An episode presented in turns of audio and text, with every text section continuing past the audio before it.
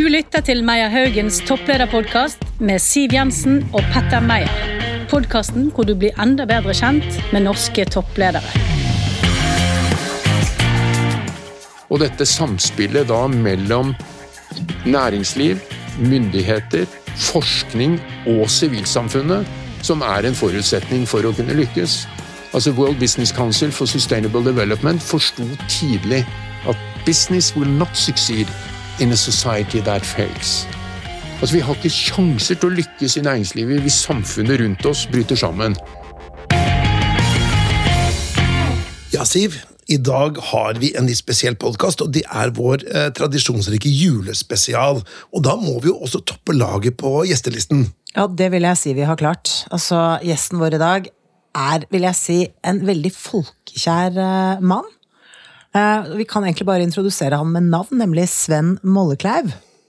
Så velkommen til oss. Hjertelig, hjertelig takk. Veldig hyggelig å være her. Og det vi diskuterte litt før uh, sending her, er sånn, Vi pleier alltid å ha titler på hva man jobber med, men den lista ble så lang. Så det er kanskje best, å da si Siv du, jeg tror vi lar han introdusere seg selv. Så Sven, kan ikke du bare fortelle litt, hva er det du, hvor jobber du i dag, og hva har du drevet med? Ja, Til daglig så, så, jobber jeg med, i Oslo Energy Forum med hele energiomstillingen. Med ledere fra hele verden for å se hva vi kan gjøre for å bidra i det eh, skiftet eh, som må til. På en smartere, raskere og bedre måte. Og så er jeg heldig å få fortsatt jobbe i, i Norske Veritas men så klarer jeg jo ikke å la være å gjøre hva jeg kan hele tiden i forhold til frivilligheten. Så internasjonale og lokalt Røde Kors, eh, i tillegg til at jeg er veldig heldig å få lov å være styreleder i, i Vålerenga samfunn. Og det siste er ikke, ikke, minst viktig, men vi skal komme tilbake til det. Men Siv, vi pleier alltid å si sånn Hva er det vi lurer på med gjesten vår i dag? Det er nesten vanskelig å svare på, fordi Eh, som jeg sa innledningsvis, Sven Mollekleiv har alle et forhold til. Uh, alle tenker, og han, Det er han som alltid har stått opp for de svakere, enten det har vært hjemme i Norge eller ute i den store verden. Han har liksom alltid vært der. Og, så jeg lurer jo egentlig kanskje mest på hvor kommer den energien din fra? Den, den evige kampgløden som du har hatt. Uknuselige! Ja, hvor kommer den fra? Jeg tror helt fra tidlig så vil jeg si at uh, dette kampen for rettferdighet uh, Moren min lærte meg mye om at uh, alle folk er like mye verdt. Vi skal se alle, vi skal respektere, vi skal utfordre. Altså Menneskerettighetene er jo for retten til å få hjelp når du er sårbar. Men det er også retten til å bli stilt krav til. Retten til å bli sett på som en ressurs og retten til å få muligheter til å være en ressurs. Sånn at eh, det å være med på å utvikle frivilligheten, der folk ser behov, der folk eh, ser at de kan være med å gjøre en forskjell, der de ser at de kan være med å bygge et samfunn som gjør at folk blir sett og verdsatt og ivaretatt, men også får retten til å yte og levere, det inspirerer meg voldsomt. Så jeg tror at den det privilegiet det er når man jobber i frivilligheten med å se at du faktisk kan være med og gjøre en forskjell til at folk får et uh, meningsfullt liv, det er, det er min, den største glede, egentlig. Men hvis vi nå først så løfter vi blikket og så tar vi et litt sånn globalt perspektiv på det, og så skal vi trekke det hjem til litt mer nære forhold.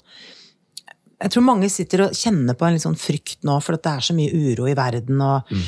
masse konflikter på en gang. Men mm. vil du si at det, at det er verre nå, eller har det alltid vært eh, konflikter, mm. folk på flukt eh, osv.? Hvordan, hvordan leser du det bildet? Ja, Det er et veldig veldig viktig spørsmål å ha med seg. Fordi det har alltid vært konflikter. Det har alltid vært stor fattigdom. Det har alltid vært folk som har falt utenfor. Og ulikhet har alltid vært en eh, stor utfordring for alle de som ikke har fått sjansen til å leve eh, verdige liv. Så har vi hatt en periode fra eh, da man gikk over fra tusenårsmålene til bærekraftsmålene, hvor verden var i enorm eh, utvikling. Hundrevis av millioner av mennesker ble løftet ut av fattigdom. Flere fikk tilgang til utdanning, til eh, bedre helse, eh, og barnedødeligheten gikk dramatisk ned. så skjedde det en endring faktisk rundt eh, da koronaen rammet oss og pandemien. Da så vi nå en ny endring i utviklingen i, i verden, hvor den ekstreme fattigdommen igjen øker. Mm. Hvor vi ser at ulikheten øker, hvor polariseringen øker. Eh, tidligere var det jo sånn at kriger var mellom stater, men i de senere år har liksom de fleste kriger og konflikter i verden vært interne konflikter. Mm. Det ser du i Afghanistan, det ser du i Sudan, det ser du i Jemen, det ser du, ikke det ser du ikke minst i Gaza i, i, i dag. Altså, som både er interne, men her også med, med, med stater. Sånn at eh, den siste tids utvikling Eh, gjør at kombinerer du eh, den enorme utfordring som ligger i klimaendringene, eh, hvor flere er på flukt for å overleve, fordi det er våtere, det er tørrere, det er villere, det er varmere. Kombinert med kriger og konflikter og polarisering, så er det en reell grunn til at flere nå er bekymra, mm. etter at vi har levd i en tid, og også i Norge, hvor velferdsstaten og utvikling har gjort at vi hele tiden i etterkrigstiden har fått det bedre. Mm. Så, eh, og vi ser jo også nå, eh, veldig lokalt, eh, i, i når når Røde Kors nå også går ut med og snakker om en fattigdomskrise. altså Røde lys tennes. Vi ser det fra Bymisjonen, vi ser det fra eh, andre organisasjoner også som melder om samme utvikling, også i vårt verdens beste land å bo i. Mm. Og, og Derfor er det viktig at vi ikke er likegyldige, men engasjerer oss og ser hva vi kan gjøre, enten gjennom jobben eller gjennom fritid eller på annen måte, til å rekke ut en hånd og låne bort et øre og gjøre hva vi kan for å engasjere og inkludere folk på en god måte. Mm. Du, jeg må jo si at jeg blir jo um, veldig ettertenksom når du sier dette. for Vi, vi hadde en vennegruppe eh, her for et par dager siden, da diskuterte vi akkurat dette. Mm. Går det bedre, eller det, er det verre? Mm. Og akkurat nå er det vanskelig å se at det går så mye bedre. Mm. For det 20, altså 2020-tallet har jo starta ganske dramatisk, med både kriger og pandemier og polarisering, som du sier. Så det er vanskelig kanskje å se de lysene, da. Men i hvert fall noe av hensikten med denne podkasten skal i hvert fall å se noen lys, da. Og i hvert fall hva næringslivet eller arbeidslivet kan bidra med. Mm. Og Hva er ditt råd til de som lytter på podkasten og tenker ok, alt er håpløst, det var lett å bli kynisk rundt det, mm. og skalke alle lukkene. Men hva er ditt råd til bedriftsledere og medarbeidere der ute som vil gjøre en forskjell? Mitt råd går i to-tre retninger. For det første er det viktig å se at samfunnsansvar er hvordan vi alle utfører vår virksomhet hver dag altså som en integrert del av virksomheten. Når Meyer Haugen nå går inn og bruker sin kompetanse, sine ansattes erfaringer til å tilrettelegge f.eks. i et prosjekt som Jobbsjansen, som vi skal komme tilbake til, så er det eh, også en del av sin egen virksomhet. Samtidig som eh, alle virksomheter kan se på hvordan kan vi gjøre det vi gjør, på en ordentlig måte. Hvordan kan vi gjøre den litt smartere, litt mer bærekraftig, eh, ha verdigrunnlag og leve det på en, en, skikkelig måte, sånn at det er integrert i eh, strategien, det er integrert i verdigrunnlaget, det er integrert i business review, det er integrert i alt hva vi gjør, og ikke bare som et sånt utenpåklistra prosjekt. Men altså, det er det vi den vi er, og det vi gjør, og det som er knyttet til formålet vårt.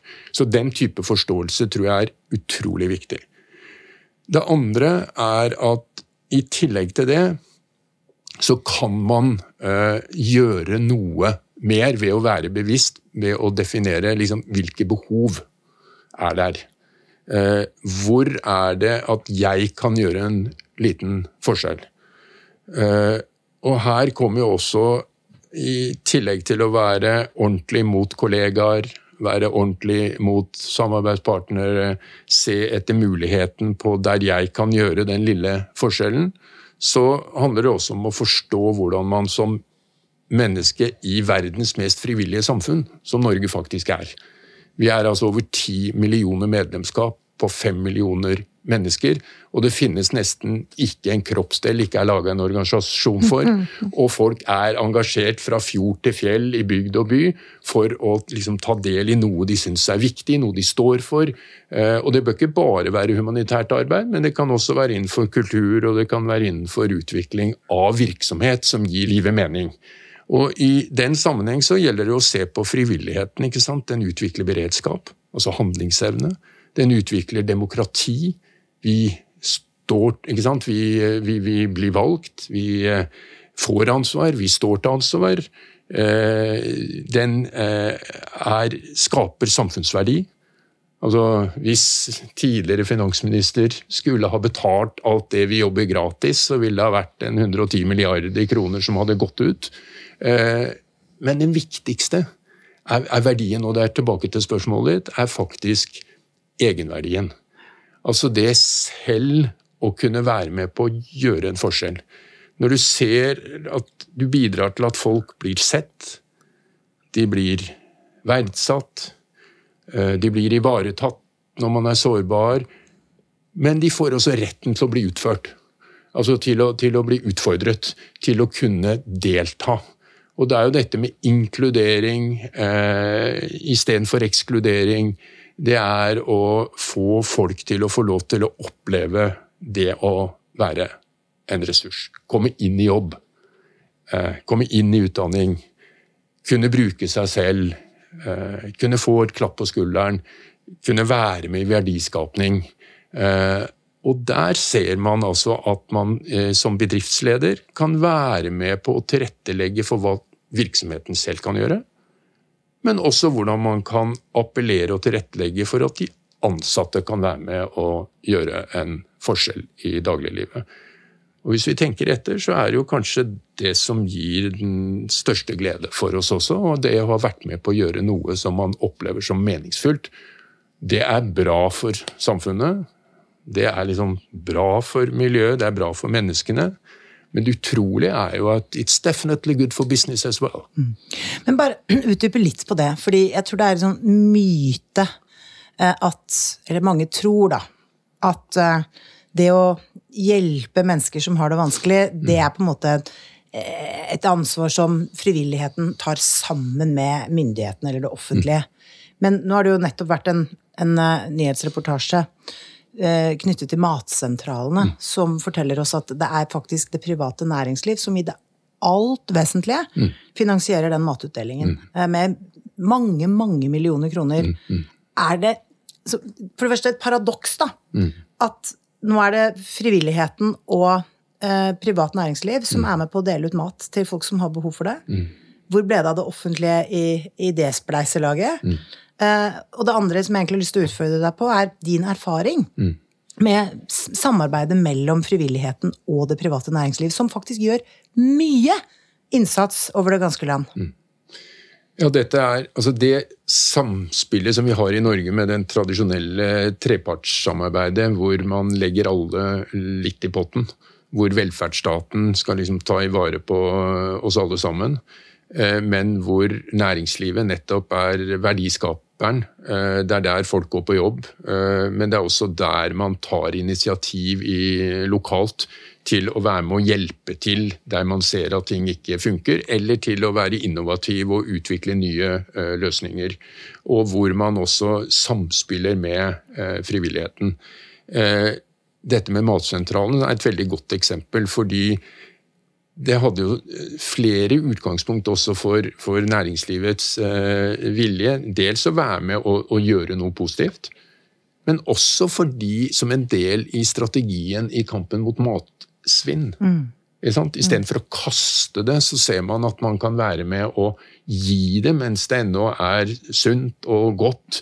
Eh, og så ser man at man appellerer til frivillige da, som tar imot, som organiserer, som fordeler. Og så får du til dette optimale samspillet. Sånn at, men det kan jo ikke frata det offentlige det ansvaret som ligger i å skulle ivareta folk mm. når de er i en utsatt situasjon. Mm. Uh, men samtidig så er det også det offentliges ansvar å tilrettelegge for frivillighet og tilrettelegge tilrettelegge for et godt samspill, hvor næringslivet får blomstre og utvikle seg, og hvor frivilligheten får bedre vilkår for å styrke seg. Sånn at hvis man gjør den store feilen som det offentlige, hvis man, la oss si at hvis Sivilforsvaret brukte alle sine penger og sine ressurser til å liksom dytte eh, de frivillige organisasjonene i redningstjenesten vekk, og så plutselig kommer en katastrofe hvor det offentlige ikke vil kunne klare å løse den oppgaven alene. Og så Det man har gjort i mellomtiden, er egentlig da å årelate og ødelegge den frivillige kraften i lokalsamfunnet, som samspiller med lokalt næringsliv og som samspiller med det offentlige. Og Derfor så ligger et stort ansvar for det offentlige til å utvikle en god velferdsstat, men også tilrettelegge for et godt utviklet eh, næringsliv som kan samspille godt med frivilligheten. Og Da fungerer dette trepartssamarbeidet på en best mulig måte. Et eksempel på dette trepartssamarbeidet er jo da det som da rekrutteringsselskapet Meyer Haugen har gått inn nå, det er jo på en måte jobbsjansen for Vålerenga og det, Vålerenga samfunn. Mm. Og det har vært et veldig godt samarbeid med, med Jannike Aas, hun er daglig leder for dette. Og øh, Ønsket vårt er jo da som en privatbedrift å kunne bidra med det vi er gode på. Det er typisk sånn hjelpe disse både unge og voksne som sliter på jobbmarkedet. Med det å se på, skrive CV og søknad og, og intervjutrening. Så vi bruker jo det som du sier, det vi er gode på. da. Mm. Og Her er det jo da også frivillighet som spiller inn, og også da offentlige myndigheter, mellom Nav blant annet. Så, og her er jo du da styreleder. Kan ikke du fortelle litt om Jobbsjansen og Vålerenga samfunn? Mm.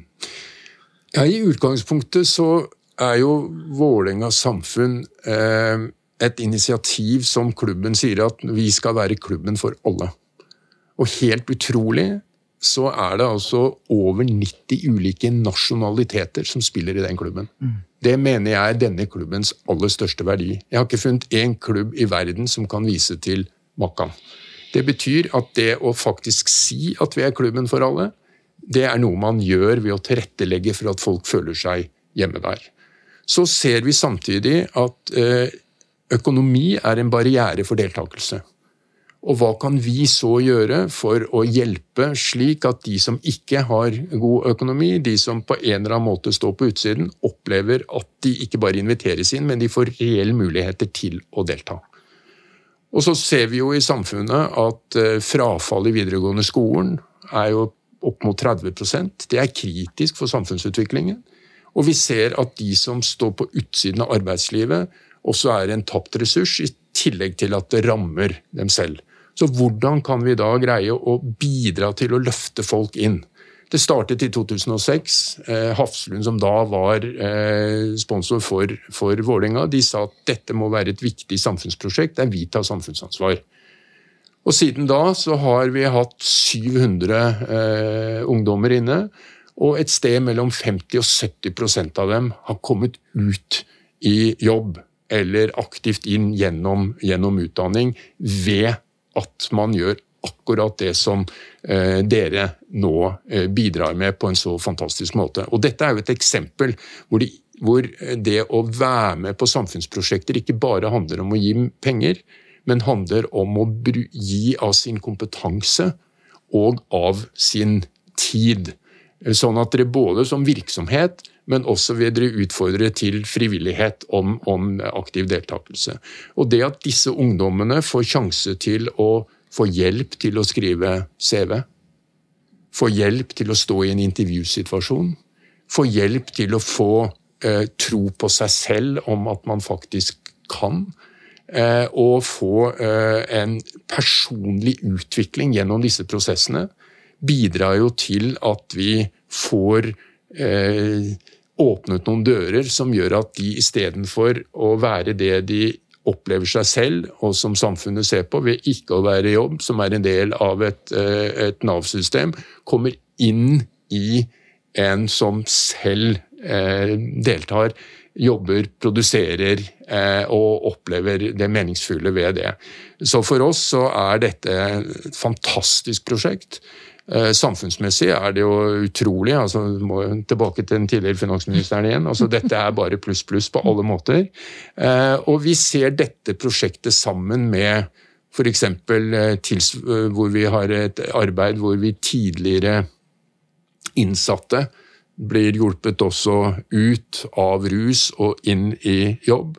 Gatelaget, som nettopp er noe av det samme, hvor vi bruker både fotballen og klubben og tilhørigheten som en inngang for mange av disse som, er, eh, som har mistet troen på det offentlige, som alltid har blitt sett på som eh, en, en byrde. Mens gjennom denne type tilhørighet opplever liksom The power of football blir brukt som en mulighet til å løfte mennesker over til å uh, faktisk bli og være en ressurs. Så vi er utrolig glad for det samspillet, hvor dere bruker den kompetansen. Og vi ser bare hva det betyr for disse uh, ungdommene når vi skal gå i gang nå i, på nyåret. Jeg kan i hvert fall si at Som styreleder i Meyer Haugen så er jeg skikkelig stolt av at vi har fått til dette. Eh, for det var en av grunnene til at jeg sa ja til å bli styreleder. Nemlig at man har det reelle samfunnsansvaret. At det ikke bare handler om å tjene penger, som alle bedrifter må gjøre for å overleve, men at man vil gi noe tilbake. Det dere gjør i dette Vålerenga-samfunnet, er jo helt fantastisk. Både fordi det er med å ja, unngå at unge mennesker får tapt liv. Eh, at de ikke havner i kriminalitet, rus og andre ting som vi dessverre ser en negativ utvikling på i, i Oslo nå. Mm. Eh, men når, liksom, det er jo enorme tall. Du snakker om opp mot 700 mm. stykker som dere faktisk har klart å hjelpe. Og da er jeg litt nysgjerrig. Har dere noe kontakt med disse 700? Ja. Takk. Altså, nå hadde du bare sett det, for nå så smiler du veldig klart. Det, det spørsmålet det gleda seg litt til. Jo, men, kan jeg få lov å si det? Hadde jeg vært politiker nå, så ville jeg sagt tusen takk for spørsmålet. Ja.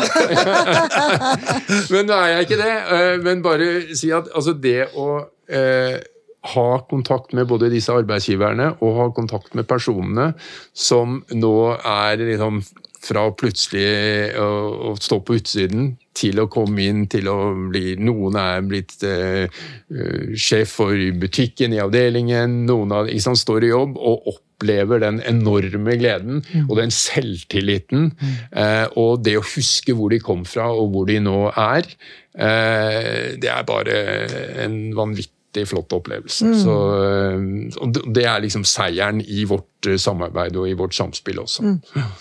Og jeg må jo bare si det at Vi kommer til å oppfordre våre da kunderelasjoner og samarbeidspartnere til å også kikke litt mer på selvfølgelig mange frivillige organisasjoner, men kanskje spesielt da Vålerenga samfunn, mm. hvis man ønsker det. Nå skal vi gå over til dette med toppledelse, Siv. Ja. Og Vi pratet jo litt innledningsvis om at eh, det å kunne stå i stormen og kanskje jobbe litt når det er litt håpløst. Og spesielt når man da er, skal være toppleder for dette her. Mm. Så du har jo hatt da mange topplederverv. Mm. Hvordan var det å være toppleder og kanskje stå midt i en katastrofe med personer som dør rundt deg? Når jeg tenker spesielt på Røde Kors-perioden din. Mm. Altså, det å reise rundt i krig og konflikt um å stå overfor de verste utfordringene og uh, daglig stå i kamp for liv og død, er jo enormt uh, krevende. for meg så handler det om at vi er gode på å definere behov.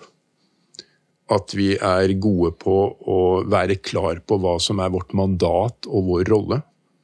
Altså det å være nøytral, uavhengig og upartisk på tvers av alle frontlinjer i kriger og konflikter, hvor vi får retten til å besøke folk i fangeleire og i fengselet, rett til å være med og frigi og til å gå over i alle disse vanskelige konfliktene, handler også om å være god på å fylle den rollen.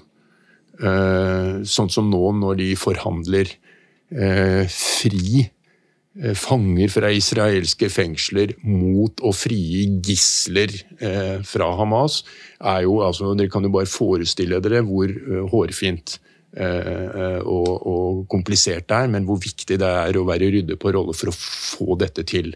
Og I henhold til Genévekonvensjonen så er altså Den internasjonale Røde Kors-komiteen satt i den rollen å være Genévekonvensjonens vokter, som 193 stater har signert som en forpliktelse til det å være leder så vil jeg si at min aller største utfordring er jo personlig å, uh, ha opplevd å miste sine uh, kollegaer og venner.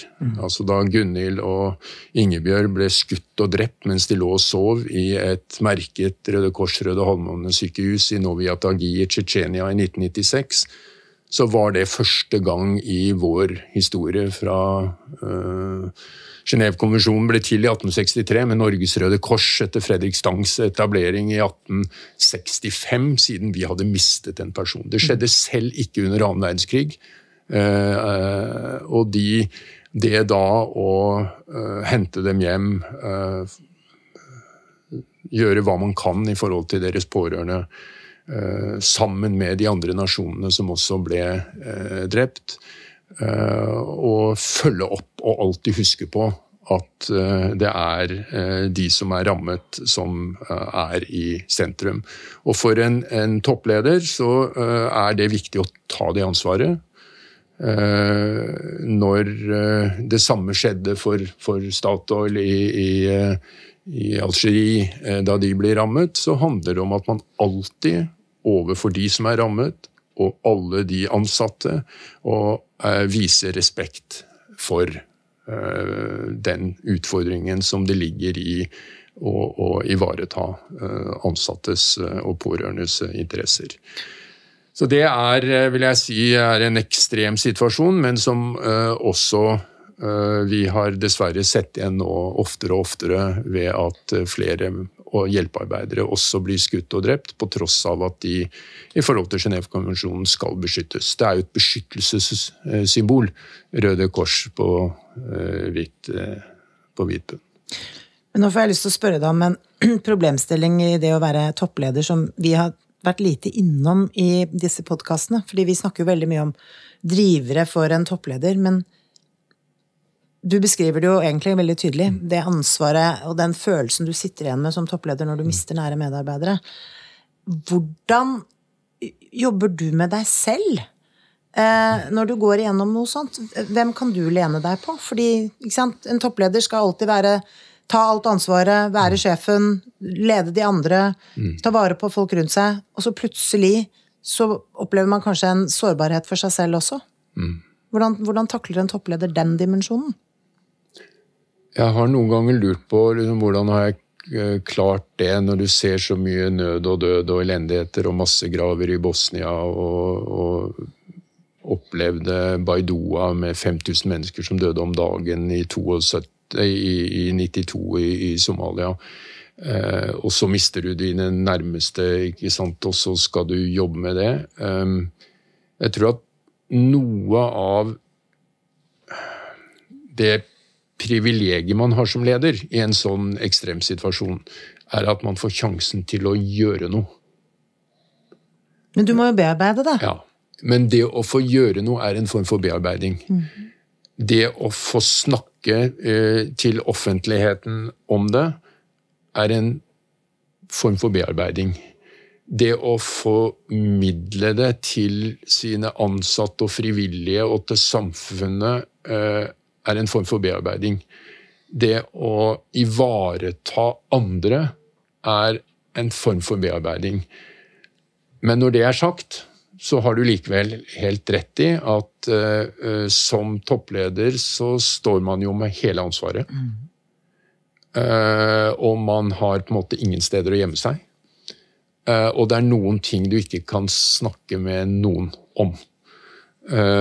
og etter 22. juli så jo, hadde vi jo over 1000 frivillige som hjalp til. Ikke bare de 37 båtene som lette i Tyrifjorden, men alle de med omsorgsberedskap og som tok imot eh, de som kom hjem og tilbake. Og alle, eh, ikke sant? Min beslutning var at alle de skal gjennom debrief av de som hadde vært med å, å hjelpe. Mm. Og så husker jeg da Astrid Nøkkelbø Heiberg, som da var president, eh, liksom sier Sven, men hva med deg? Mm -hmm. uh, og da hadde jeg jo uh, den gleden at hun var en god uh, samtalepartner. Hvor styreleder for meg, som i tillegg var psykiater og lege, kunne være, og en god venn, kunne være en, en god sparringspartner for å si hvordan takler man det. Men det viktige med spørsmålet ditt, Siv, det er jo at det skal man ta på alvor. Mm. For plutselig så eh, klarer man ikke det balansepunktet, fordi nok blir plutselig nok, og så renner det over. Så, så ved å Og da møter man den berømte veggen. Ja. Og det er nettopp derfor, så du skal ta det på alvor. Eh, ikke bare å eh, hjelpe andre, men du må stille spørsmålet hvordan skal man selv ha ressurser til å klare å, å gå videre. Jeg har vært privilegert og opplevd det, men det er kjempeviktig å, å ta det ansvaret også overfor seg selv. En viktig del av å være toppleder er jo det å måtte sørge for å ha flinke folk rundt seg. Uh, og hvordan sikrer du at når du skal rekruttere da, uh, til å gå inn i denne type situasjoner, som er liv og død, og man ser mye elendighet, har dere noen annen måte å rekruttere på for å sikre at dette er personer som er kanskje robuste nok, eller kan takle dette, eller er det umulig å forutse? Ja, nok en gang et veldig viktig spørsmål. Jeg er veldig opptatt av kompetanseledelse. Vil si at ledere evner å hente inn eh, mennesker i det teamet som både eh, forstår rollen, eh, har relevant kompetanse til å løse oppgaven, være god til å jobbe sammen med andre med annen spisskompetanse, og ikke minst hente ut som leder det beste av hver enkelt i et godt samspill. Sånn at man eh, får medløp og ikke eh, mange dører som sperrer, hvor folk ikke får sjansen til å hente ut sitt, eh, hente ut sitt eh, beste. Og i rekrutteringen så må man jo da for det første være veldig god på å si hva er det viktigste? Hva er det vi skal eh, Hvilke oppgaver er det vi rent faktisk skal løse? Og hvilke folk er det vi trenger for å gjøre det? Og hvordan kan de følges opp på best mulig måte? Og hvordan kan man tilrettelegge i denne teambuildingen for et optimalt eh, samspill? Sånn at man også er god på å eh, hylle den som slo lissepasningen. Den som tilrettela. Den som gjorde det mulig. Eh, og ikke bare den som skåra målet og fikk oppmerksomheten. Eh, og det eh, er jo noe dere kan mye om. eh, På det å, å rekruttere inn, men ikke minst også evne å følge opp og utvikle og, og videreutvikle.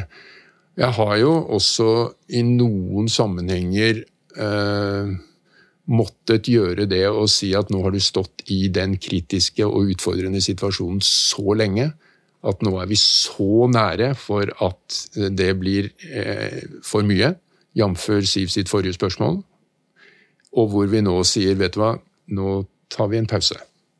Nå gjør vi noe annet. Eh, og det å tilrettelegge som leder for et rotasjonssystem hvor det er god aksept og god kultur for at vi kan rotere, og for at vi kan ta vare på folk, eh, er også ekstremt eh, viktig for at vi over tid eh, har en bærekraftig kultur, og hvor hver enkelt person egentlig er den viktigste eh, ressursen.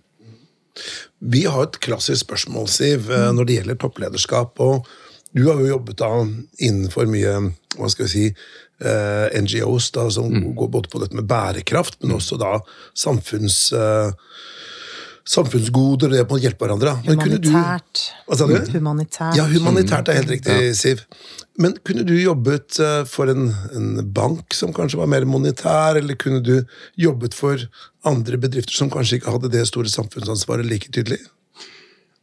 Jeg må kjenne at formålet og verdiene uh, er noe jeg selv uh, tror på for å hente ut det beste av meg selv. Det å få jobbe f.eks. i Norske Veritas, som jo er en uavhengig stiftelse som både to identify, assess and manage risk, og som skal eh, nettopp ivareta hensynet til eh, mennesker og miljø og bedrift, utvikling, og hvor kompetanseutviklingen eh, er- handler om å hjelpe virksomheter til å gjøre det etter å ha ut, utviklet standarder og kontrollere på standarder og sørge for at folk gjør det de sier. Walk the talk and live the values. Um, jeg tror jeg vil bruke eksempelet mitt nå hvor jeg opplever meg ekstremt privilegert som får lov å være managing director for Oslo Energy Forum. Der er det konsernsjefene i Equinor, Statkraft, DNB, DNV, eh, Hydro og Yara som sammen med norske myndigheter jobber med å se hvordan denne energiomstillingen kan foregå på en raskere, bedre eh, og smartere måte, men basert i det som de som faktisk kan gjøre noe med det, nemlig industrien selv. Mm. Altså, alle de som sier ja, nå må dere slutte, eller nå må dere gjøre, eller la være. ikke sant? Men de er de som rent faktisk står i virksomheten, som kan bidra til eh, innovative løsninger, som kan investere. Altså, eh, som kan tilrettelegge for disse nødvendige endringene.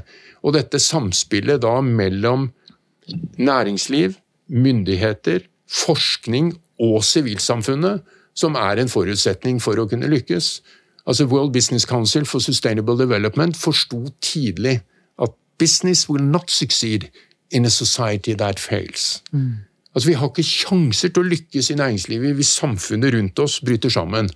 Eller som Kofi Annan sa da han utviklet tusenårsmålene og utfordret og etablerte UN Global Compact, og sier at det blir ingen bærekraftig fremtid hvis ikke næringslivet er en del av løsningen. Mm.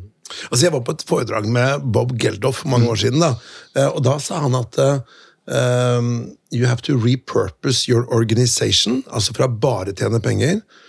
Men så sier han også at uh, you have to repurpose yourself. Mm. Så jobben din ikke bare blir å tjene penger til deg selv.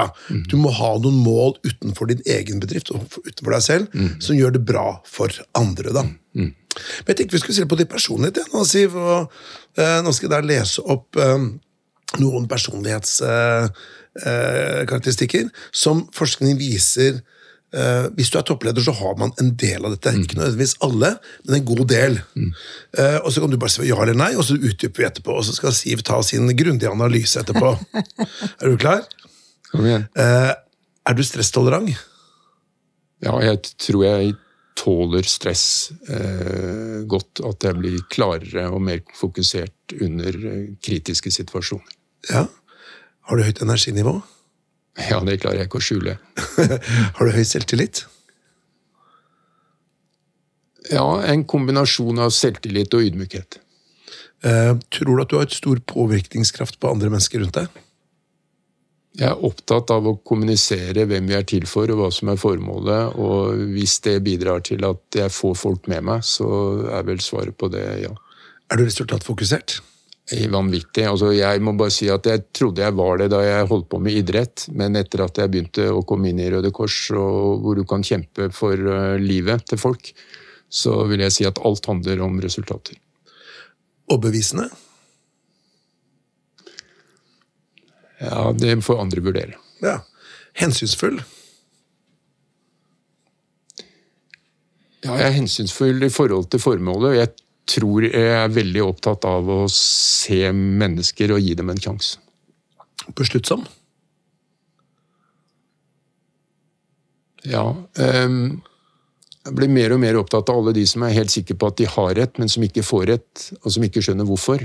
Ja. Sånn at det å ha kunnskap om hvordan eh, verden ser ut, eh, og deretter fatte beslutninger med bakgrunn i formål og verdier, eh, er viktig. Så ja, jeg fatter raske beslutninger, men du skal ta deg tid til å lytte. Ja. Og helt på tampen, er du optimistisk? Ja, jeg er, jeg er realistisk, men håpefull. Eh, og jeg er opptatt av at vi aldri må gi opp. Ja, Siv. Det var nyanserte svar. Hva tenker du? Eh, punkt én. Eh, dette er en mann som ikke trekker fra hofta før han svarer. Altså, tok seg tid til å tenke, og så så jeg vel kanskje en, hva skal man si, som veldig mange toppledere, mm. en litt sånn kledelig beskjedenhet i noen av svarene. Mm. Jeg er ikke et sekund i tvil om mm. at du har mye selvtillit, men mm. du måtte utdype det litt allikevel. Jeg er heller ikke et sekund i tvil om at du har stor påvirkningskraft mm. på uh, folk rundt deg. Men du måtte nyansere det litt òg. Um, og jeg tenker bare at uh, det kommer kanskje med all den erfaringen du har. Eller? Jo, det er vel riktig, det. Ja. og så er det jo, ikke sant, Disse punktene det er jo, Vi hentet det fra ulike forskningskilder, da, men vi syns jo det stemmer ganske overens med de personene vi har hatt som toppledere her. Og så er det også litt at det er jo nyttige egenskaper å ha. For hvis du ikke har tro på deg selv, mm. og prosjektet ditt, så vil jo ikke andre heller ha det. Og det å få folk med seg er jo viktig, og det å påvirke andre ut fra den gjerningen man selv har. Så alt dette er jo da på en måte, Og litt optimistisk. Jeg har pratet med mye sånn gründere. er optimistisk gjeng, altså.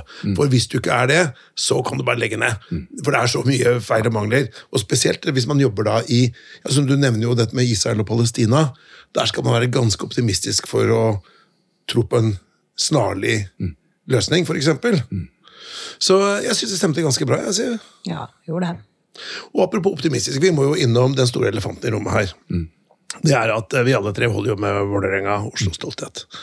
Og så har jo ikke 23-sesongen gått helt på skinner. Eh, Hva har du å si eh, til de som nå sitter rundt i Oslo indre øst, og selvfølgelig hele, rundt hele verden, og lurer på hvordan skal dette gå til neste år? Hva tenker du da? Jeg husker veldig godt i 2003, da vi var inne i Valhall. Eh, Og vi lå under mot Sandefjord. Og eh, det ender med at vi eh, nesten på overtid skårer to mål og klarer oss. Da ble jeg spurt om å bli styreleder i Vålerenga. I 2004, altså året etter, tok vi sølv med minst mulig margin i forhold til gull. Og i 2005 ble vi seriemestere og vant Tippeligaen den gangen.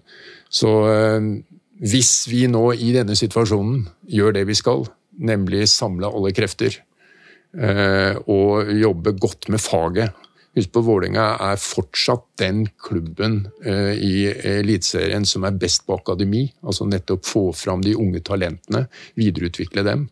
Eh, og er god på å langsiktig bruke ressursene fornuftig og godt, så er veien tilbake håpefull.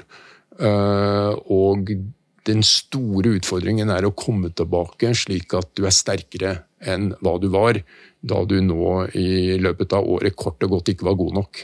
For når du rykker ned, så er det fordi du ikke eh, var god nok.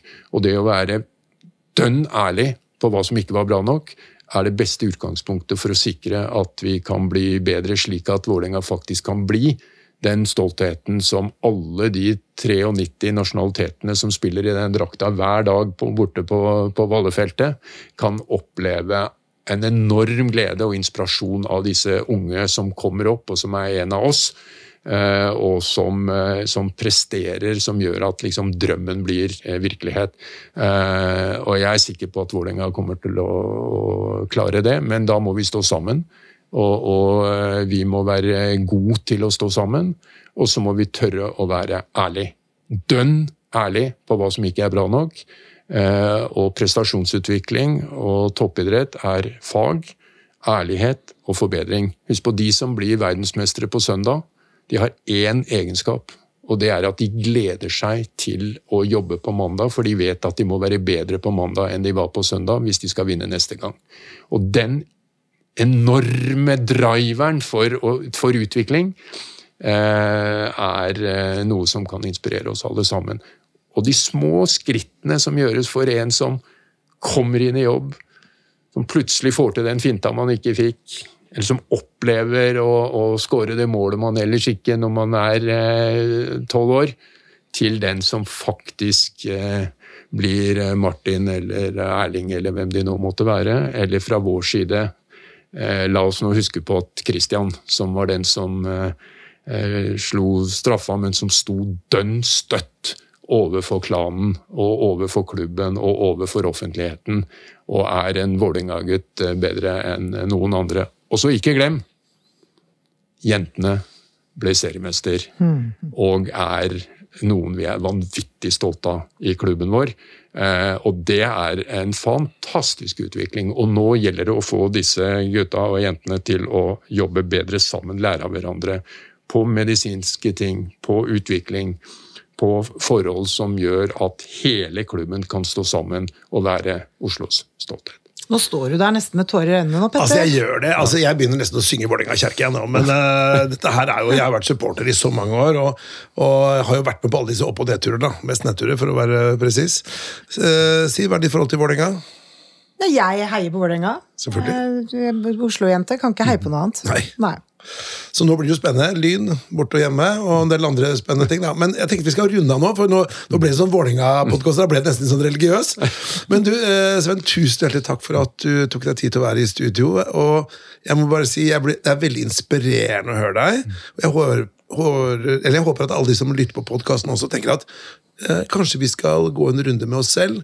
Både for å se hva vi som selskap kan gjøre bedre, og også hva man kan gjøre som personlig for å gjøre verden og Oslo til et litt bedre sted. Jeg syns vi klarte å lage en veldig god eh, sånn julespesial denne gangen. Her var det mye eh, til ettertanke. Mye som man kan reflektere litt Absolutt. på inn i jula. Ja. Men kanskje vi skal benytte anledningen til å ønske alle lytterne våre en riktig god jul òg? Riktig god jul og et godt nytt år. Tusen hjertelig takk. Riktig god jul og et godt nytt og håpefullt år. Og takk for at dere bryr dere. Du har lyttet til rekrutteringsselskapet Meyer Haugens topplederpodkast. Vi produserer også Rekrutteringsrådet og stillingspodkaster. Har du forslag til gjester eller tema vi bør snakke om, gå inn på vår Facebook-side Meyer Haugen.